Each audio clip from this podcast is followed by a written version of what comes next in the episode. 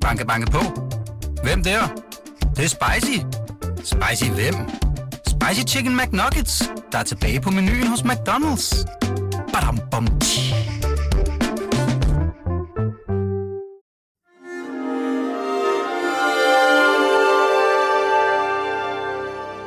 Du lytter til Avistid, en podcast fra Weekendavisen. Linnea, Ja, Maja Ernst. Hvad er perverst? det perverse, det er det, der på en eller anden foruroligende måde øhm, falder uden for det normale, altså i forhold til seksualiteten. Og man har måske tænkt, det var det, der var uden for det naturlige i gåseøjne, men måske er det i virkeligheden det, der falder uden for moralen, altså tidens seksualmoral. Ah, ja.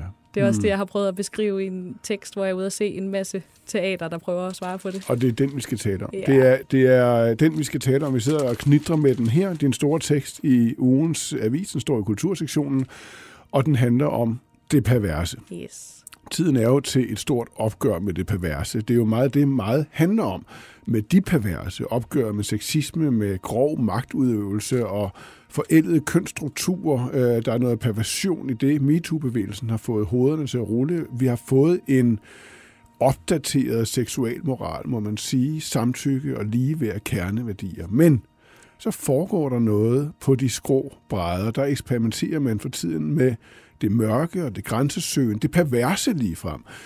I maj har der været premiere på hele tre teaterstykker. O's historie på Husets Teater, Ugens Rapport og Kannibalen på Det Kongelige. yes. Du har set dem alle tre, Linnea. Og du er dybt fascineret også af de fællestræk, de har. Hvad er det for fællestræk? Men det er, at det handler om den grænseoverskridende seksualitet, og det her med det, det uhemmede, og noget, der har været forbudt i en eller anden forstand. Øh, det er helt rigtigt, vi har den her samtid, hvor at vi har gang i et stort oprydningsprojekt, og der er ting, der bare ikke går længere. Og så har man de her teatre, der tager fat i alt alle de her drifter og ting, der dukker op, og, og, og uforløst mørk erotik, og jamen, altså spørgsmål om samtykke og så videre. Og det bliver ligesom sådan et, øh, et trygt rum, hvor ting får lov at være selvmodsigende og komplekse og øh, ubehagelige. Mm. Mm-hmm. Det er præcis det, vi skal tale om. Linnea, velkommen til. Jeg hedder i øvrigt Martin Krasnik.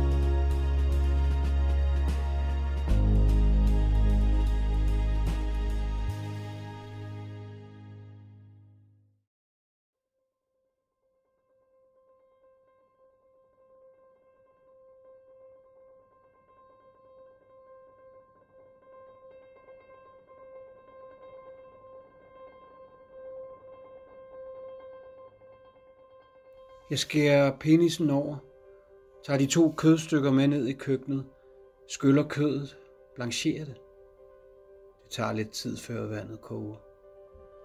Gennem vinduet får jeg øje på min nabo Nicole. Hun er i færd med at hænge vasketøj op i sin have. Vi vinker til hinanden. Efter blancheringen krydrer jeg kødet med salt, peber og hvidløgspulver og steger det kort på panden. Kødet trækker sig sammen.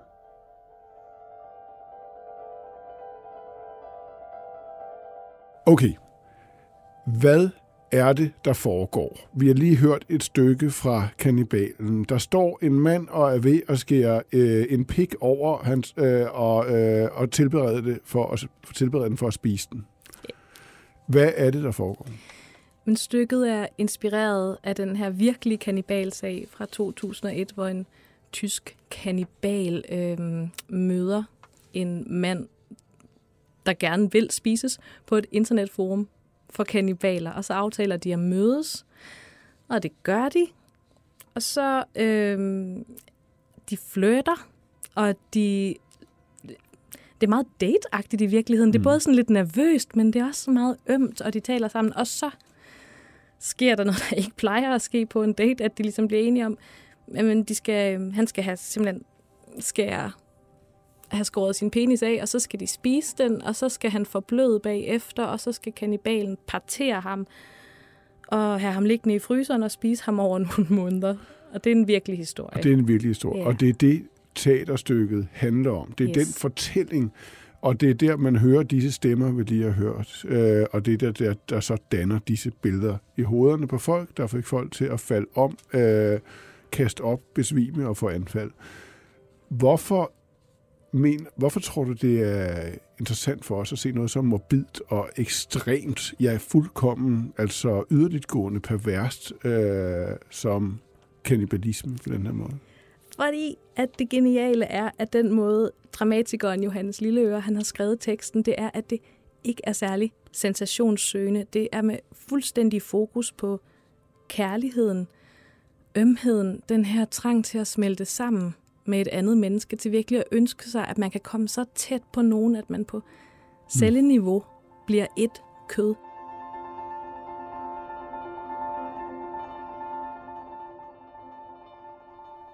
Det tager kun et par sekunder at skære den af. Jeg skriger. Det mest skrækkelige skrig, jeg nogensinde har hørt.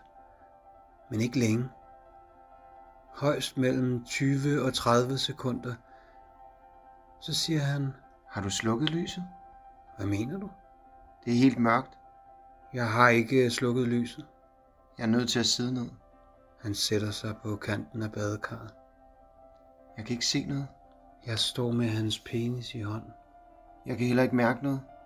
Vil du have et plaster? Hvorfor gør det ikke ondt?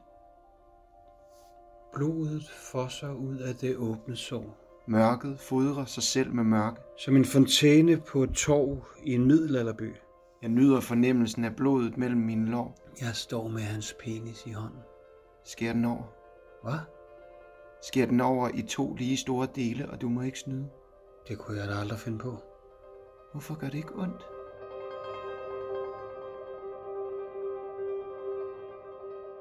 Det er selvfølgelig fuldstændig fucked op i hovedet, og han har haft alle mulige issues, der ligesom gør, at han kommer der til, hvor at han er nødt til at spise et andet menneske for at føle, at han er der. Men den grundlæggende længsel efter fuldstændig transcendent at smelte sammen med et andet menneske i kærlighed, det sidder man jo og kan godt identificere sig med Ja. som publikum. Og, og samtidig så kommer splittelsen jo af, at man ikke kan forstå handlingen, så man forstår følelsen, men ikke det, der sker. Og den øh, splittelse sætter sig i publikum. Splittelse er et pænt ord at sige. Ja, okay. helt ekstreme modsætning. Man, for, ja. man forstår morderen og kannibalens følelser, men ikke hans handling. Det er Ja, det, du siger. det, det, nu siger jeg det pænt. Det Jeg forstår det. Jamen, jeg forstår det godt. Jeg forstår det godt. Og, hvor- og hvor ligger, er, det, er det der i det perverse, så ligger? Det, det er det dels. Det er også der, teatermagien ligger. Ikke? Altså, det er der, vi kan være i et dilemma, som vi ikke øh, kan forstå logisk eller kan være i til daglig. Det er jo det, som altså, den græske tragedie faktisk er. Den, den siger, at det her er sørgeligt, ikke bare fordi der sker noget sørgeligt. Det, som er det tragiske, det er, at vi har to sandheder, der er sande på samme tid, men som vi ikke kan forene inde i vores ord. Vi kan ikke, fordi der er to Og hvad er det for to sandheder? men det er, at vi forstår begæret efter at smelte sammen med et andet Mm. menneske, men vi forstår fandme ikke, at man er nødt til at skære nogens pik af og spise den for at komme dertil. Og slå ham ihjel. Og i øvrigt, ja. Ja.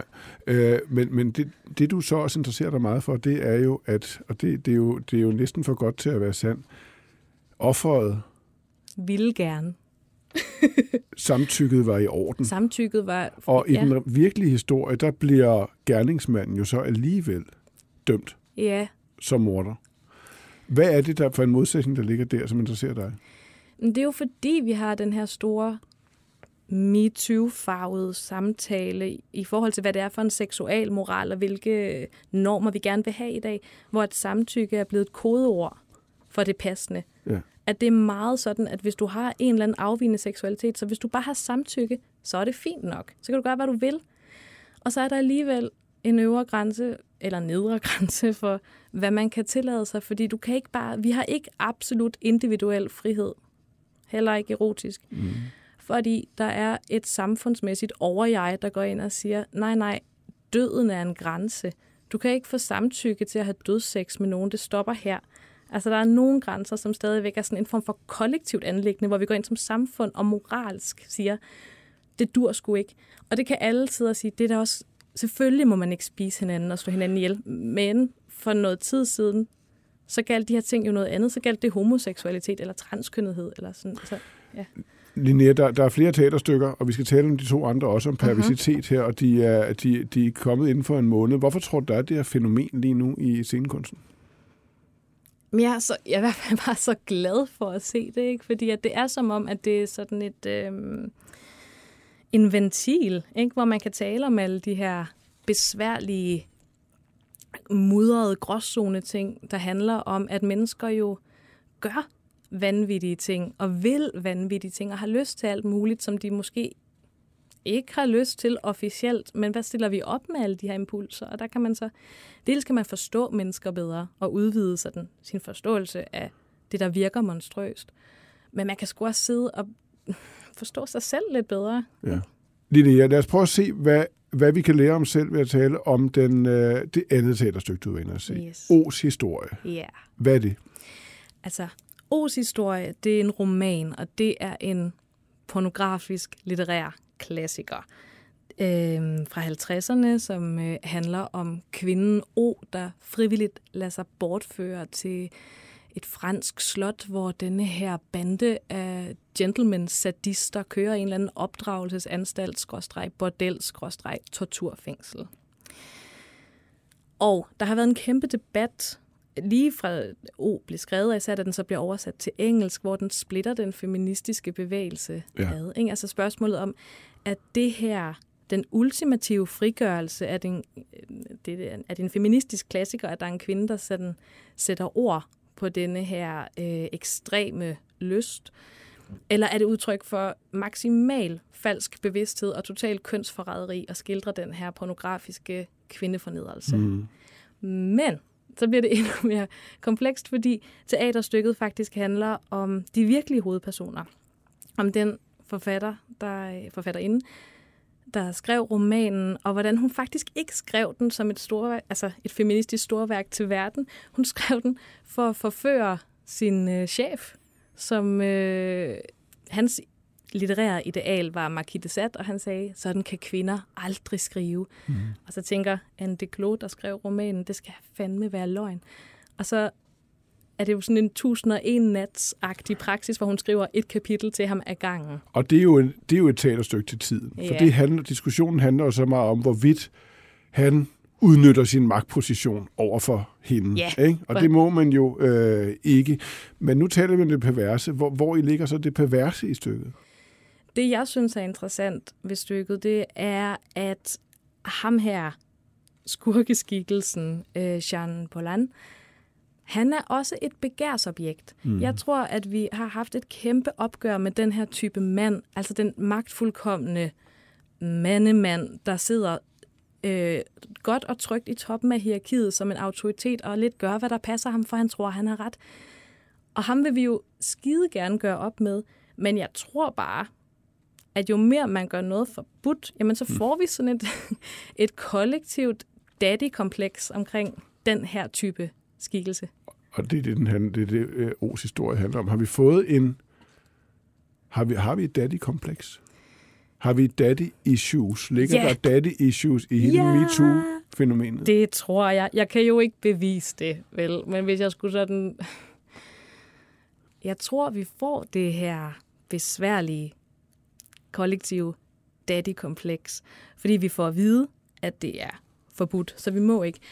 Det, der er vigtigt, det er, at jeg tror ikke, vi skal forstå det som et kvindeligt problem. Jeg tror, at alle mennesker, for så vidt de psykologiske væsener, så har vi et grundlæggende behov for en eller anden overordnet skikkelse, en faragtig skikkelse, der sætter nogle grænser og siger, der er ting, du ikke må, og der er ting, du må, og nu skal du gøre det her. Og jo mere frigjorte vi bliver, jo mere forbudt og jo mere tiltrækkende bliver den forestilling. Altså i dag, så skal alle mennesker være selvstændige og være deres egne chefer og være selvledende og være øh, hvile i deres egen selvsikkerhed. Så derfor så bliver det bare den mest forbudte fantasi af alle, at der skal komme nogen og sige, sådan her skal du leve dit liv. Mm. Og den udvikling har jo været i gang i lang tid, men den er også blevet sat endnu mere på spidsen i løbet af de sidste, sådan, øh, de sidste års MeToo-opgør med den her figur, hvor at, at nu er han virkelig blevet kriminel. Ikke? Nu er det så ulovligt at have en fantasi om nogen, der faktisk hviler i deres maskuline autoritet og siger, sådan er det fandme. Og, Og det, er ikke for at, og det er ikke for at gå og blive kontrarevolutionær. Jeg siger bare, jeg tror, der opstår en eller anden rest. Jeg tror, det bliver en moderne... Jeg tror, det er vores allesammens yndlingsperversion. Det perverse, det jo kommer selvfølgelig af latin, og det mm. betyder...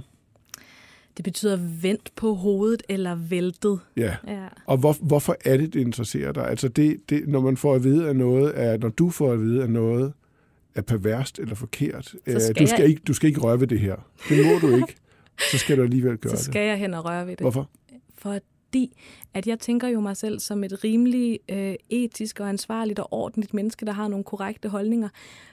Men det lyser jo bare op inden i mig, når så snart nogen siger, at de har en eller anden upassende lyst til et eller andet. Fordi det er så grundlæggende menneskeligt, at det har vi jo bare. Hvis du får at vide, du må ikke røre ved det her, så er det spændende. Hvorfor? Fordi grænser er spændende. Mm.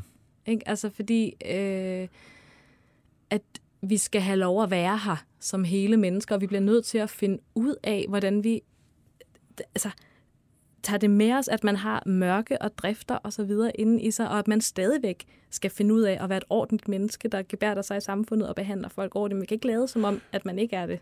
Det, vi taler om her, det er også det, teaterstykkerne beskæftiger sig Mm. med. Det er modsætningen mellem det, der foregår indeni, og så det, man så faktisk gør.